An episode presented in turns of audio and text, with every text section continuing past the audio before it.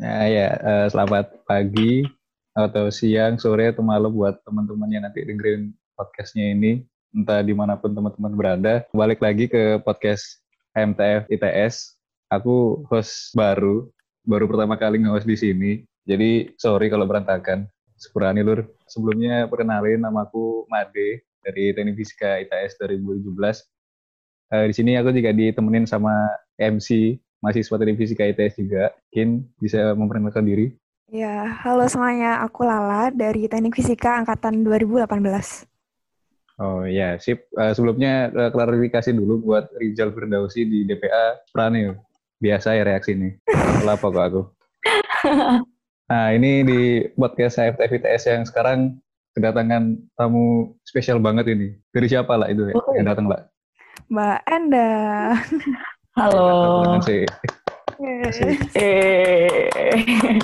Jadi Enda ini uh, Aslep Energi sama uh, mahasiswa teknik fisika ITS yang pernah exchange ya, exchange ke Jepang. Nah, jadi di podcast HMTF ITS sekarang ini uh, dari kita mau sharing lah sama Enda mengenai pengalamannya di Jepang itu kayak gimana aja. Ya, jadi Mbak Enda aku nanya nih, kan Mbak Enda kan exchange ke Jepang. Nah, kalau boleh tahu, ya. kenapa sih Mbak kok milih exchange ke Jepang? Dan exchange itu ngapain aja sih Mbak? Uh, jadi pertanyaannya kenapa negara Jepang sama ya. ngapain aja ya? Iya. Oke. Okay. Jadi sebenarnya pertama aku juga nggak niat langsung kayak pokoknya aku pengen exchange ke Jepang. Pokoknya aku waktu itu cuma niatnya tuh yang penting exchange gitu. Soalnya hmm. kayak aku bosen banget di TF. Wah, Terus, sama semua orang itu kayak soalnya abis terjun payung kan impeku terus kayak wah harus keluar dulu lah dari TF kayak gitu. Jadi kayak apa ya yang buka waktu itu sebenarnya uh, dua pilihannya. Eh aku mau daftarnya tuh South Denmark University cuman dia nggak ada beasiswanya. Terus kayak ya udahlah yang penting daftar dulu kali ya.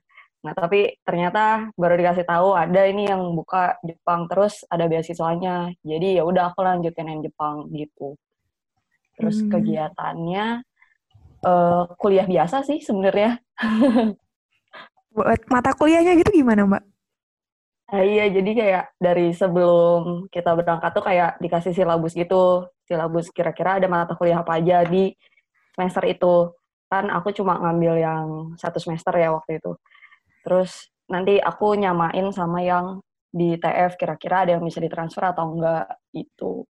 Jadi ya mata kuliahnya tuh ece-ece gitu sih sebenarnya kalau dibanding di TF ya. Mata kuliah yang ditransfer itu apa kalau Mbak Endah?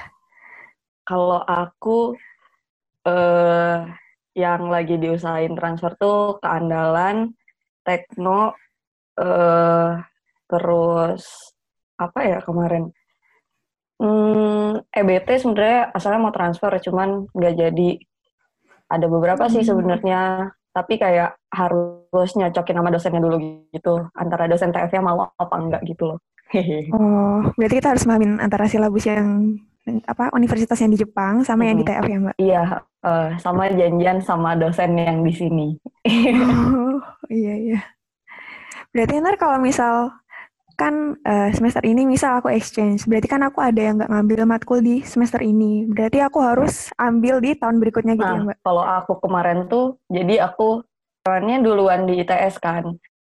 Nah, aku tuh nggak pengen kayak kelewat gitu. Jadi sebenarnya pas aku nanya cutting, kalau misalnya aku nggak nemu mata kuliah yang ditawarin di sana, kayak ditawarin sama programnya, kan jadi aku masuknya tuh ke program exchange. Nah, dia tuh departemennya tuh kayak beda gitu loh sama departemen yang kayak di universitasnya. Jadi kayak aku nggak masuk departemen apa pun di sana. Hmm. Aku masuknya cuma Faculty of Engineering doang di sana tuh. Nah, sebenarnya aku tuh bisa masuk ke uh, mata kuliah yang kayak misal sinyal, terus kayak vibrasi, apa getaran yang kayak gitu. Cuman di sana diajarinnya pakai bahasa Jepang. Nah, aku nggak bisa kan. Nah, jadi kayak dari awal aku janjian sama dosen di sini kayak, Pak, saya di sana mau nyari mata kuliah. Tapi kalau misalnya nggak nemu, kira-kira saya bisa nggak masih susulan tugas yang kayak gitu. Nanti saya pulang terus susulan UTS sama UAS kayak gitu.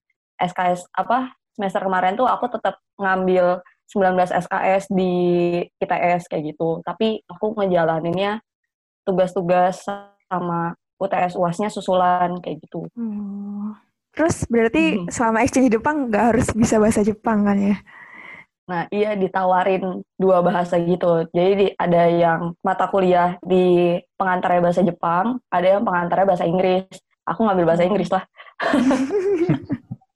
Aku nggak bisa Jepang sama sekali. Berarti ini pertama kali nyoba exchange ke negara Jepang ya Mbak emang? Mm-mm, betul. Hmm. Kalau aku tanya-tanya ya ke mahasiswa, teman-teman mahasiswa TF, entah itu angkatanku atau mungkin angkatan bawah itu, kebanyakan nggak tahu gitu loh informasi exchange, itu dari mana. Nah, kalau dari Enda sendiri dapat informasi yang Kumamoto ini dari mana? Dari IO. Dari IO aja. Ah, Kira-kira ada nggak apa eh, yang selain dari IO gitu? Soalnya dari dulu juga teman-teman tuh udah dibilangin masalah IO itu selalu ada program exchange, tapi sering kelewat loh infonya. Hmm, aku dari IO doang sih, tapi kebetulan tuh waktu itu emang eh aku tahu infonya juga dari Mbak Gina, Mbak Gina apa TF 2015. Nah, Mbak Gina juga waktu itu lagi program juga sama programnya gitu. Terus kayaknya aku juga kalau nggak dikasih tahu Mbak Gina juga nggak dapet share-shareannya IO sih. Soalnya IO juga kadang dadak gitu loh ngasihnya kayak padahal harus persiapan TOEFL yang kayak gitu. Oh iya. So far kalau exchange bagus sih kalau yang di IO tuh menurutku udah cukup lengkap informasi dan scholarship yang kayak gitu-gitunya udah cukup lengkap sih gitu. Paling tinggal kurang disalurin ke jurusan aja kali ya. Hmm, berarti sebenarnya info dari IO-nya udah udah lengkap ya, cuma kurang menyebar Mm-mm. aja. Iya betul. Mm. Eh, sempat nyinggung masalah beasiswa ya, yang masalah di Kumamoto itu. Itu Nah, eh, kalau boleh tahu fasilitasnya apa aja? nah itu tuh jadi beasiswanya tuh cuman aku cuma dikasih duit. Nah nanti kita tuh ngatur duitnya sendiri gitu loh. Jadi ya udah Hmm. kayak ada duit masuk ke rekening doang. Nanti kita yang bayarin ke asrama, bayarin listrik dan lain-lain gitu. Waktu itu jadi dapetnya kan aku nama beasiswanya tuh Jaso. Jadi kayak aku daftar exchange tuh udah sekaligus aku daftar eh, beasiswanya waktu Beasiswanya. itu. Hmm. Mm-mm. Terus dia fasilitasnya cuma ini sih cuma duit 80.000 ribu yen. 80.000 ribu yen tuh sekitar 10 jutaan per bulan. Oh, 80 Cukup nggak Mbak segitu? Sangat cukup. itu cuma anjir enak banget sih. itu kayak kalau misalnya kita ngehemat-hemat karena aku kan jarang ini ya jarang makan di luar soalnya Kak, kalau misalnya makan di luar juga kudu nyari-nyari yang ini kan nyari-nyari yang halal yang gitu-gitulah terus akhirnya ya sebenarnya bisa aja kayak sebulan tuh ngabisin kayak cuma 5 jutaan sebenarnya gitu jadi kalau Hmm. kalian exchange nabung-nabung lah balik-balik auto reach Iya, balik-balik. Aduh, tajir banget. tapi nggak juga deh gue juga habis gitu ya Lah. apalagi kalau part time di sana wah mayan sih mayan banget Mbak Enda Oh, ngambil iya. part time atau enggak Mbak? Nah, iya, mengenai Nah. part time ini ambil apa, dah? kemarin tuh ini jadi sebenarnya kalau misalnya yang student kayak kita tuh harusnya tuh nggak boleh jadi kalau misalnya aku ketahuan sama si office-nya kan harusnya tuh ada kayak apa dibolehin apa enggak sama IO-nya sana gitu loh nah terus temenku tuh izin akhirnya tuh nggak dibolehin kan tapi akhirnya dia part time diam-diam juga sih soalnya kayak kamu kurang apa gitu udah dapat 80 ribu yen per bulan gitu kan terus kayak emangnya kamu emangnya kamu ini mikir eh, mata kuliahnya gampang digituin padahal kita emang mikir "Eh, ini gampang banget sih mata kuliahnya Kacau ngambang di orang lain. Iya. Sumpah. Itu part time. Kita waktu itu eh, ada tawaran tuh ini di Sevel, di 7-Eleven. Jadi kayak di pabrik kayak Sevel gitu, kita kayak bungkusin mie gitu loh. Kalian tahu nggak sih yang makanan yang tinggal masukin microwave? Oh, iya, iya. Oh iya. Nah, itu tuh disusun dengan tangan-tangan kami tahu nggak sih kayak kayak nimbang mie-nya terus masukin ginger masukin daging ya kayak gitu-gitu jadi kayak di satu konveyor panjang gitu terus kita ngambil kerjanya tuh yang malam kan aku ngambil dari jam 9 nyampe jam 5 pagi cuman dia tuh bayarannya lumayan banget cuy hitungannya tuh per jam hitungannya itu per jam. Jadi satu jamnya seribu yen, seribu yen kan sekitar 130 ribu kan. Aku waktu itu kerja dari jam No, terus kalau kalau udah di atas jam 12, naik jadi 1100 bayarannya. Jadi ya berapa ya? 150 ribuan kali ya. Gitu. Terus kayak aku waktu itu nggak kuat kan. Apa kayak aku cuma ngambil dua kali kerja waktu itu. Aku dua kali kerjanya dapat 1,8. Waduh, waduh, Kaya waduh. banget. Sama sekali di orang ini. Temenku, temenku loh, anak-anak Indo loh pada kerja di sana, Pak. Kacau sih. Tapi lumayan sih, cuman itu kerja rodi, apa, dari jam 9 malam nyampe jam 5 pagi kerjanya. Terus emang kayak robot banget gitu loh. Kan kita ngikutin ngikutin konveyornya kan. Bukan ngikutin Oh. apa, ya makanannya di konveyor gitu, terus kita harus cepet gitu kan. Wah, Hmm. terus kayak kalau tiga apa tiga pertemuan pertama tuh kita harus pakai eh, apa tuh namanya kayak kayak bukan kayak jas gitu sih. Pokoknya yang nandain kalau kita tuh anak baru. Dan kalau anak baru tuh kan pasti apa apa kayak ini tuh salah ini tuh salah. Tapi kan gue nggak ngerti bahasa Jepang. Terus kayak yang kerja tuh dari Nepal dari mana ya? Iran. Pokoknya banyak banget kayak TKW TKW gitu cuy. Terus aduh aneh banget sih. Tapi asik sih soalnya duitnya banyak tapi gue cuma dua kali kerja temen gue ada yang kayak seminggu sekali tapi kuliahnya ya gitulah kuliahnya nggak jelas gitu jadinya terlalu senang mencari cuan nah, iya nih, Tuh. eh, terkait kuliah. Kalau misalnya kamu Ah. sendiri gimana dah ngebagi waktunya antara part time sama kuliah? Nah, karena gue part time cuma dua kali kan ya, jadi nggak begitu kerasa sih. Aku ngambil cuma Oh. hari Jumat waktu itu, terus kayak cuma dua kali. Yang keteteran tuh aku ini sih, kuliah sama lab. Aku kan di waktu itu ngikut labnya Bu Emi, Bu Emi dosen TF di sana juga di Kumamoto. Aku ngikut lab ibunya, nah itu sih yang sibuk banget soalnya penelitian kan apa ya, eh kayak nggak bisa satu kali jadi gitu kan kayak kita praktikum kan nggak bisa satu kali Iya. jadi kan nah Hmm. itu keteteran banget sih sama kelas jadi kayak anak-anak udah kayak pada apal gitu kalau aku nggak di jadi kita biasanya kayak ada launch-nya gitu. Terus kayak kalau gua nggak di launch pasti di lab gitu kayak Oh, anak-anak udah pada di apal ya? doang gitu. iya kayak udah pada apal gitu. Enda di mana? Di lab pasti kayak gitu. Kayak keteteran banget sih labnya. Kayak jadi ada apa ya tidak menikmati exchange iya. Tapi asik sih. Bu Emi maaf. Nanti ya. gimana tuh, Mbak? kenapa Cara adaptasinya selama exchange di Jepang itu kayak apa? ini eh di Jepang tuh gimana ya anak-anaknya kan Wibu ke semua. kelas yang exchange Li, aja nggak kelihatan wibu woi Soalnya udah orang Jepang, anjir.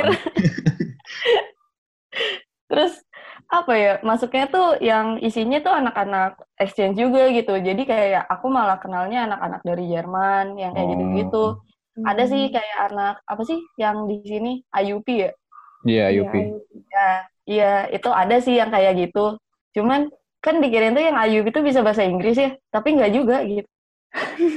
Jadi kayak ngajak ngobrol juga eh Oh. nggak nyambung gitu.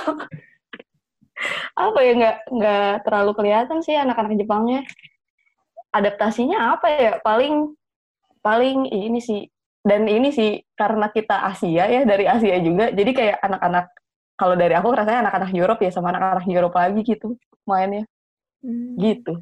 Kagak terlalu kerasa nggak terlalu kerasa. Paling di kelas juga ya gitu-gitu aja.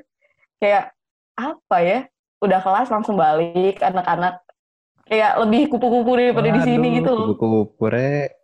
nyampe maghrib tuh kayak anak-anak wah gila kamu pulangnya malam banget. Kayak hah? Hah gila sih. Minimal mereka kan soalnya kuliah kan rata-rata mulai jam satu siang ya. Terus Oh. kayak anak-anak ngambil mata kuliah tuh cuma berapa ya? Maksudnya satu hari itu paling cuma dua matkul tiga lah paling banyak anak-anak tuh. Jadi kayak jam satu kuliah nyampe jam tiga terus pulang. Lah nggak asik banget hidup.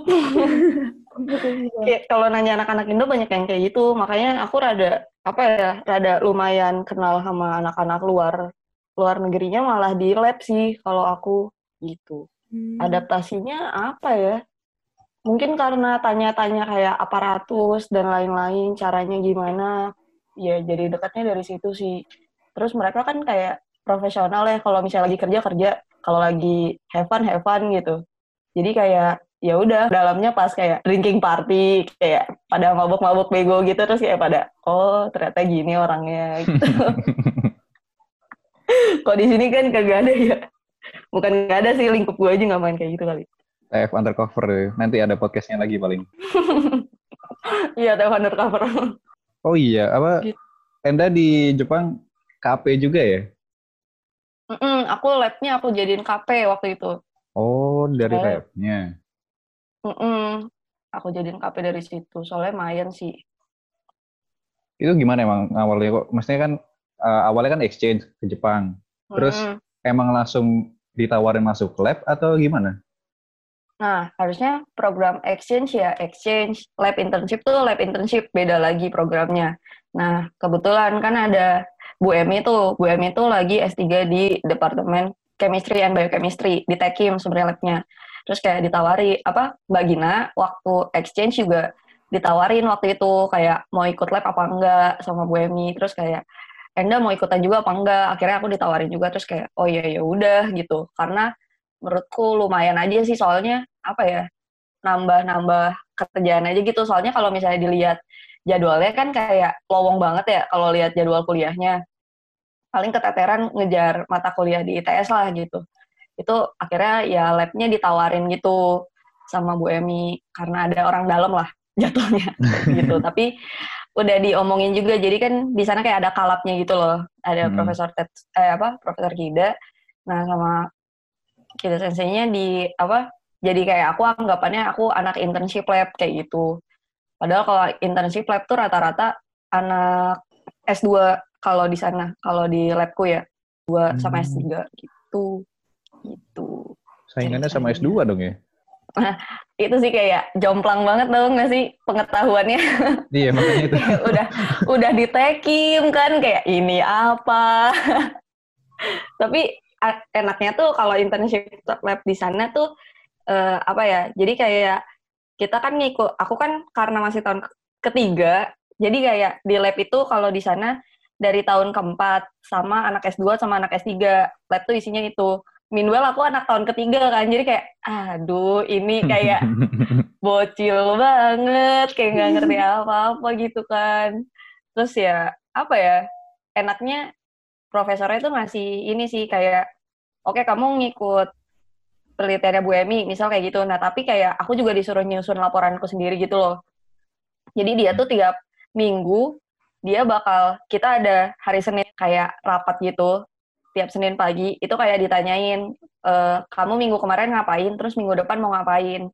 Digituin terus nanti dikasih arahan kalau misalnya penelitian aku ternyata gini gini gini eh, aku belum nyoba lagi soalnya gagal atau gimana. Nah nanti dia ngasih arahan kayak gitu.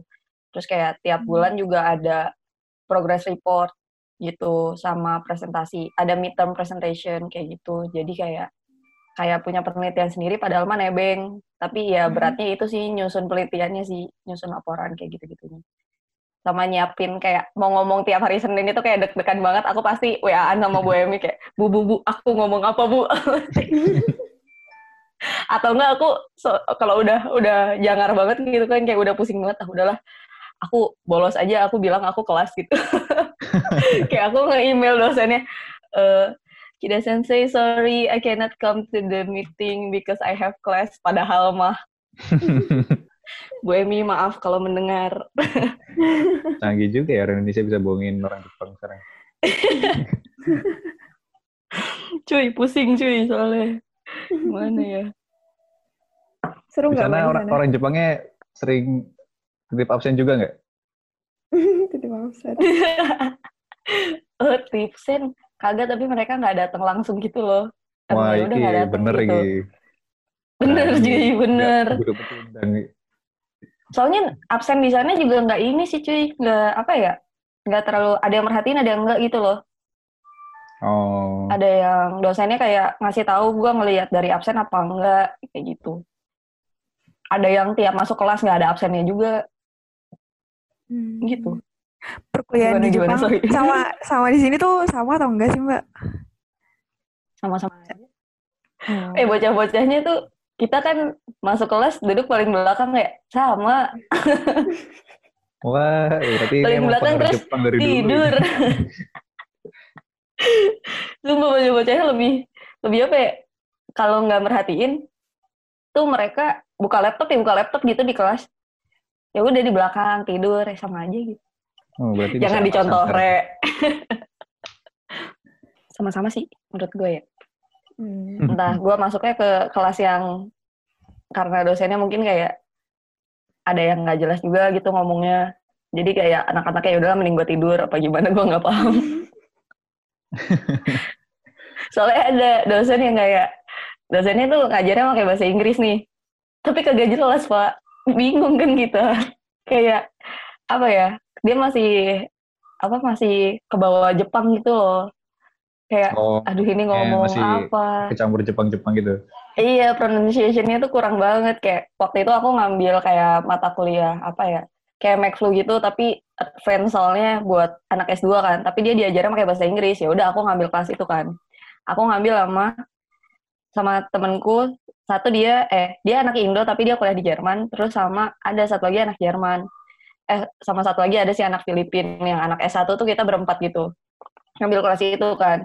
Kelasnya pagi, pagi banget. Terus dia ngomongnya gitu. Dia ngomongnya bahasa Inggris tapi begitu. Jadi kita kayak apa? Pernah waktu itu bapaknya tuh ngomong sakuracu. So next week we're gonna learn about sakuracu. Sakuracu apa? Kita tar tar sakuracu apa? Kita mikir dong kita berempat sakuracu apa? Sakuracu apa? Terus temen gue oh circular tube. Oh Allah. Cuy sakuracu gila halu tingkat tinggi pak. Kakek lo Naruto ya. Ini kalau dosen yang ngomong kayak iya iya iya, padahal kayak ngomong apa cuy? Astagfirullah. Oh iya, aku mau tanya lagi Indah. Biasanya nih, kalau orang-orang orang-orang Indonesia ya, lihat orang yang apa namanya bisa studi luar negeri, yaitu exchange atau S2 itu nganggapnya kayak orang ini pinter banget gitu loh. Bisa, ya pokoknya cerdas lah, cerdas banget. Tapi kalau Iya, iya, menurut iya. kamu sendiri gimana Anda? Maksudnya kalau kuliah di sana itu apa emang pelajarannya jauh lebih sulit daripada di sini? Kalau secara umum. Kalau programnya eh, kalau karena aku ngejalinnya exchange ya. Mungkin kalau misalnya yang S2, S3 itu menurutku mungkin mungkin emang pelajarannya lebih bukan lebih berat sih, lebih dibimbing. Jadi kayak karena dibimbing jadi lebih dalam, jadi lebih paham dan Oh. lebih susah mungkin ya. Hmm. Nah, kalau gue kan exchange. Nah, exchange tuh pela- pelajarannya tuh kulit doang gitu loh. Jadi nggak dalam-dalam banget. Jadi kayak cuma pengetahuan umum gitu loh. Menurutku nggak apa ya asumsi itu nggak nggak nggak sepenuhnya benar sih. Kayak yang cabut tuh pasti pinter banget. Padahal mah yang penting daftar. Hmm. Soalnya gue cuma modal daftar doang. Terus kayak sebenarnya nggak ada. Aku bahkan nggak ada interview dari Jepangnya gitu loh. Aku cuma di interview sama IO, interview internal DCEC. Yang daftar cuma dua, ya yang lolos dua. gitu. Tahun 2015 tuh yang daftar tiga, ya yang lolos tiga, gitu. Hmm. Gitu. Menurutku nggak terlalu ini sih. Soalnya pelajaran di sananya, apa ya, nggak, menurutku nggak terlalu susah, malah terseok-seok aku di TF gitu dibanding di sana kayak apa ya mungkin dari penyampaiannya dosen-dosennya juga eh, lebih enak kayak lebih runut gitu loh cara ngajarinnya jadi menurutku yang di luar malah lebih gampang dan lebih apa ya ngebuat anak tuh pengen lebih ingin tahu gitu loh gitu sih Hmm. nggak terlalu susah kalau menurutku dibanding TF sangat mudah di sana serius kalian ketawa lihat pelajarannya nggak penting soalnya Di sini juga ketawa, gak ngerti soalnya. Iya, makanya beda ketawa emang Oh iya, masalah daftar itu eh, kira-kira persiapan itu apa aja ya? buat entah itu administrasi atau mungkin persiapan lainnya lah. Eh, kayak persyaratannya gitu tah. Ah, ah, ah. aku waktu itu persyaratannya tuh eh bias apa study plan terus apa ya motivation letter nggak ada recommendation uh, study plan recommendation letter terus um, learning agreement. Jadi kayak mata kuliah apa aja yang kita ambil di sana sama kira-kira bisa ditransfer apa enggak itu terus uh, TOEFL TOEFL itu tapi nggak bisa pakai TOEFL ITS waktu itu yang aku aku pakai TOEFL ITP TOEFL ITP udah sih itu aja persyaratannya. Hmm. kalau dari ITS eh kalau dari ITS tuh itu minta kita ngambil mata kuliah apa aja. Tapi kalau dari Jepangnya tuh mereka cuma minta kita milih fakultas apa kayak gitu. Oh. kalau yang TOEFL ITS tadi kok nggak bisa dipakai? Kenapa tuh mbak? Soalnya soalnya tidak tidak legal, tidak apa ya, oh. tidak tidak tidak di versi ITS-nya sendiri itu. Diakui gitu oleh. Oh. soalnya kan yang nerimanya pihak sana kan. Jadi kayak hmm. biasanya program tuh beda kayak kita daftar S2 juga kan ada yang nerimanya TOEFL ITP, eh ada yang terima TOEFL IBT, ada yang terima IELTS ya kayak gitu sih hmm. bedanya. Kalau misalnya yang udah apa sih namanya kalau udah MOU sama ITS terus kayak udah raket banget gitu kayak sama ITS mungkin bisa ya pakai TOEFL TOEFL ITS tapi kalau nggak tahu yang Kumamoto kemarin sebenarnya dimintanya IELTS atau nggak TOEFL IBT terus si uh, kan Kumamoto University itu di sini ada liaison office-nya. Terus liaison office-nya bilang waktu itu ke Kumamoto ini sorry banget kalau di ITS kalau pakai TOEFL IBT kayaknya anak-anak nggak ada yang daftar deh gitu. Terus akhirnya dibolehin anak Indonesia pakai TOEFL ITP. Ih, malu banget ya sih? Exemption gitu. Gitu. Berarti abis lolos berkas, terus interview, terus pengumuman gitu, Mbak? Jadi, ya lolos berkasnya tuh pertama ini sih, apa, jadi harusnya tuh karena dipegang sama liaison office-nya jadi karena Kumamoto University ada liaison office-nya sendiri di ITS, harusnya waktu itu nggak lewat I.O. Nah, waktu tahun aku tuh rada bermasalah. Jadi, eh, aku harusnya tuh berkas apa-apa tuh langsung ke liaison office-nya, ke Bu Mia waktu itu. Nah, entah mengapa, entah bagaimana caranya, waktu itu kan aku kontakkan tuh sama Bu Mia, Bu, kira-kira anak tahun ketiga tuh boleh apa enggak sih? Soalnya programku tuh harusnya di ITS tuh mintanya tuh anak tahun keempat waktu itu. Terus aku tanya-tanya ke ibunya, kira-kira bisa apa enggak aku daftar. Terus katanya kalau dari Jepangnya sih kayaknya nggak masalah ndak katanya. Oh iya ya udah coba daftar aja kali ya. Nah aku nyiapin kan, nyiapin berkasnya. Nah waktu itu kebetulan Bagina baru balik, terus baru balik program, terus dia bilang, ndak aku kemarin mau ngasihin berkas apa gitu ke Bumia. Terus ternyata kantornya nggak ada kantor LO-nya, LO Kumamoto-nya. Nah, kok bisa? kata aku. Iya katanya kontraknya habis. Lah terus gimana? Kayak terus gimana? Lo kinok gak sih? Udah mau daftar? Terus kayak tiba-tiba kantornya hilang. Gimana? Iya nggak tahu katanya. Jadi diambil alih sama IO katanya. Oh gitu? Iya. Oh ya udah aku tanya-tanya lagi ke bumianya jadi harusnya tuh kayak cuma aku ngasih berkas ke Kumamoto uh, ke LO-nya terus udah lolos gitu. Nah karena waktu itu jadi diambil alih sama IO akhirnya ada interview sama IO gitu. Jadi harusnya cuma berkas hmm. terus lolos. Gitu. Harusnya berkas terus udah langsung pengumuman keterima gitu. Tapi nunggu pengumumannya rada lama sih. Aku nunggu tiga bulanan apa tiga bulan apa empat bulan gitu. Oh sama pengumuman beasiswanya itu yang rada deg-degan sih. Sebenarnya Indonesia tuh eh, termasuk yang pasti dikasih beasiswa. Cuman hmm. katanya tuh makin ketat. Jadi aku tuh berangkat ke sana dalam keadaan belum pengumuman beasiswa. Wah. Waduh. Itu kayak aku tapi bilang sih apa? Tapi enggak kalau misalnya di sana kamu gak dapet beasiswa, ya udah part time aja. Digituin. Jadi kayak wah, ini kayak pas aku berangkat ke sana tuh kemarin awal tuh udah kayak udahlah gue berdoa kalau misalnya gak dapet beasiswa, ya udah anjir gue kerja rodi kayaknya.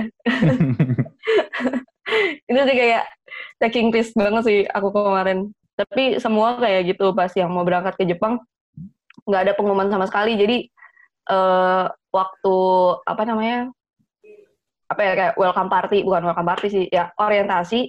Baru ada orientasi dari Jaso itu baru dikasih tahu list anak-anak yang dapat beasiswa. Kayak damn man. Deg-degan banget gitu pas cabut ke sana tuh. Kayak berapa hari tuh nabung doang isinya kagak makan di luar gitu. Nggak turunnya lama lagi jasuhnya Gila. Tapi buat beasiswanya itu ada persyaratan sendiri atau enggak, Mbak? Enggak, waktu itu aku cuma berkas ini doang, berkas program exchange-nya doang. Itu udah termasuk buat beasiswanya gitu. Oh. Apa sih Mbak perbedaan antara Jepang dan Indonesia ya? Meskipun beda negaranya, mungkin ada budaya-budaya yang di kita sama di sana itu beda. Mm -mm. Uh, yang beda tuh bersih sih. itu paling kerasa. Bersih terus orang-orangnya tuh apa ya lebih sopan kali ya? Lebih sopan. Ya karena kultur Asia sih itu sopan terus bersih terus baik banget. Baik banget tapi kayak eh, mereka itu ada yang kita tahu kebudayaan mereka itu misal kita kayak nawarin makanan nih mereka itu nggak mungkin nolak. Terus kayak mereka bilang hmm enak banget. Padahal mah gitu. Jadi kayak mereka pasti mengusahakan mengusahakan selalu iya oh. gitu padahal in our back ya. Yeah. itu sih kebudayaannya itu. Terus apa ya yang bikin beda ya itu sih. Paling teknologi dan lain-lain. Hmm. orang sana kalau ketemu yang lebih tua hmm? salim juga nggak?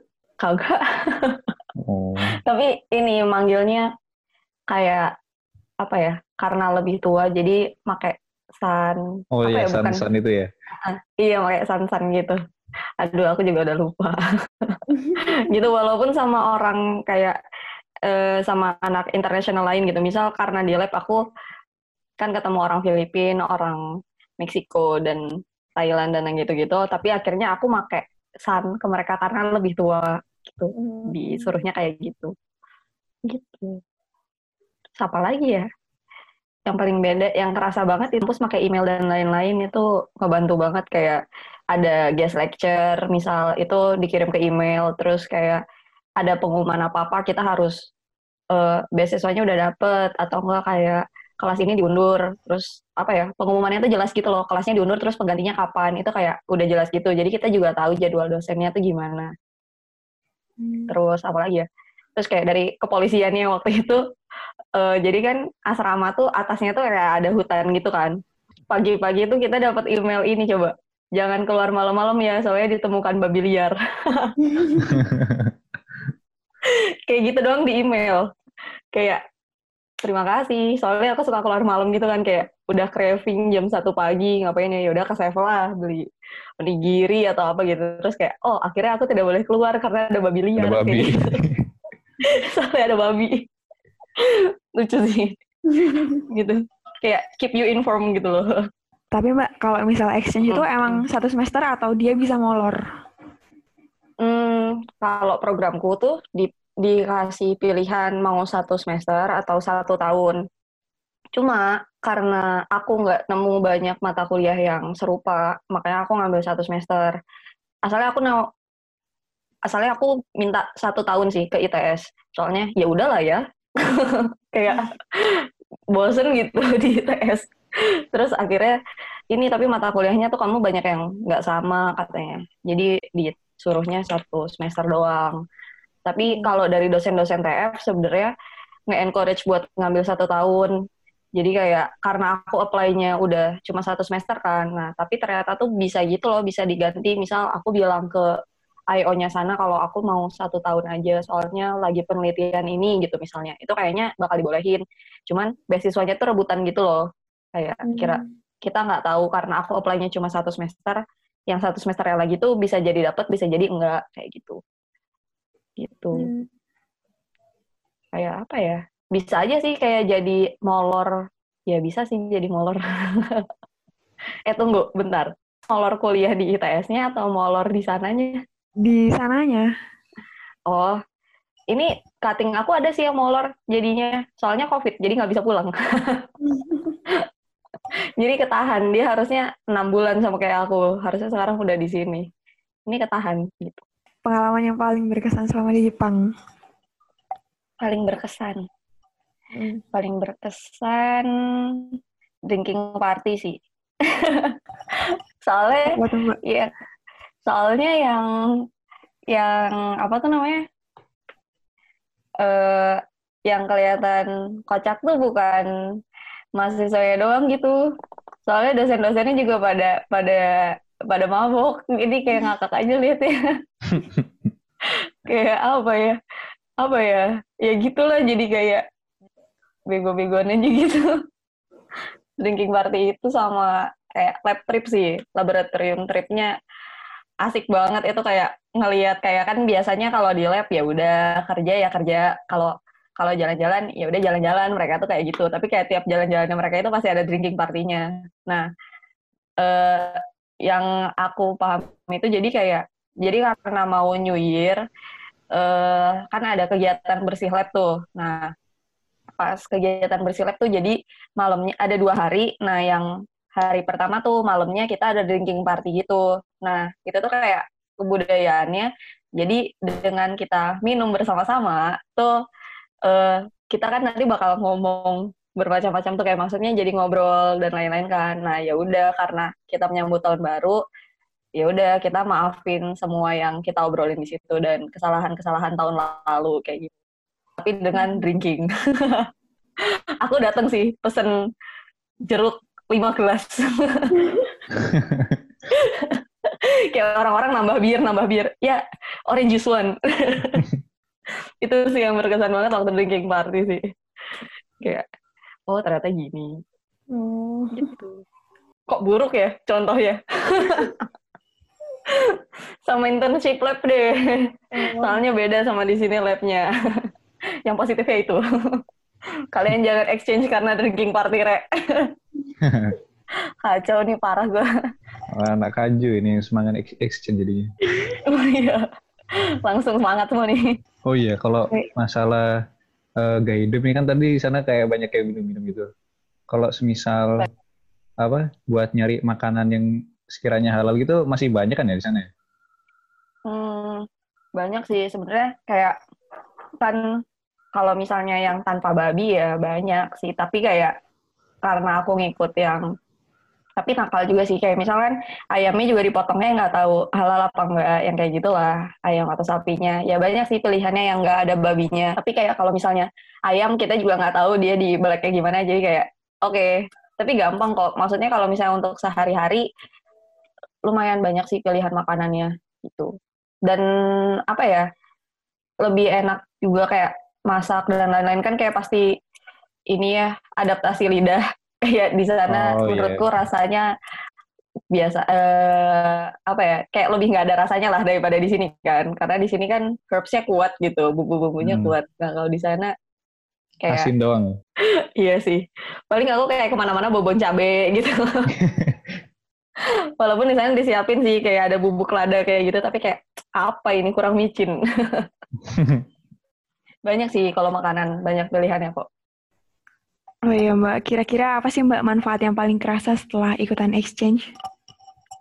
Hmm, yang paling kerasa tuh membuka wawasan banget sih. Kayak di kelas uh, perspektifnya kita sama orang Europe, sama orang Jepang, sama ya macam-macam tuh apa ya menurutku itu sih yang menarik banget kayak bahkan kayak di satu kelas misalkan dosennya tuh kayak karena kelasnya tuh bukan kelas yang kayak gerudukan langsung 40 orang gitu kan ya karena exchange.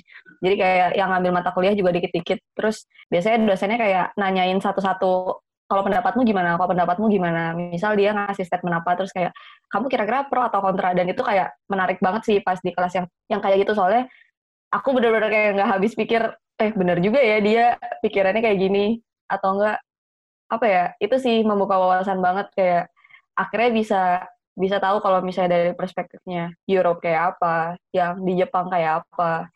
Itu sih kayak perkembangan uh, society-nya juga jadi kelihatan gitu loh. Kayak di sini kan misal, misal kalau di sini kita kayak apa-apa tuh pengen canggih dan lain-lain. Meanwhile di sana tuh udah nggak mikirin itu lagi gitu, karena mereka udah terlalu canggih gitu kan.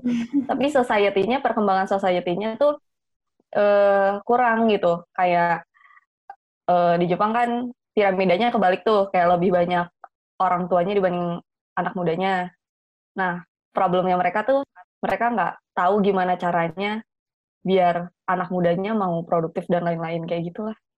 Gitu itu menarik sih menurutku kayak tahu jadi tahu kebudayaan negara-negara lain jadi kayak apa ya nggak nutup mata banget gitu sih menurutku itu sih yang paling asik banget ngobrolnya Terus Mbak, mungkin kan ada yang pengen ikutan exchange, terus masih mikir-mikir gitu Mbak, ah, ntar aku kalau di Mm-mm. sana tuh kayak gimana? Mungkin ada pesan-pesan gak Mbak?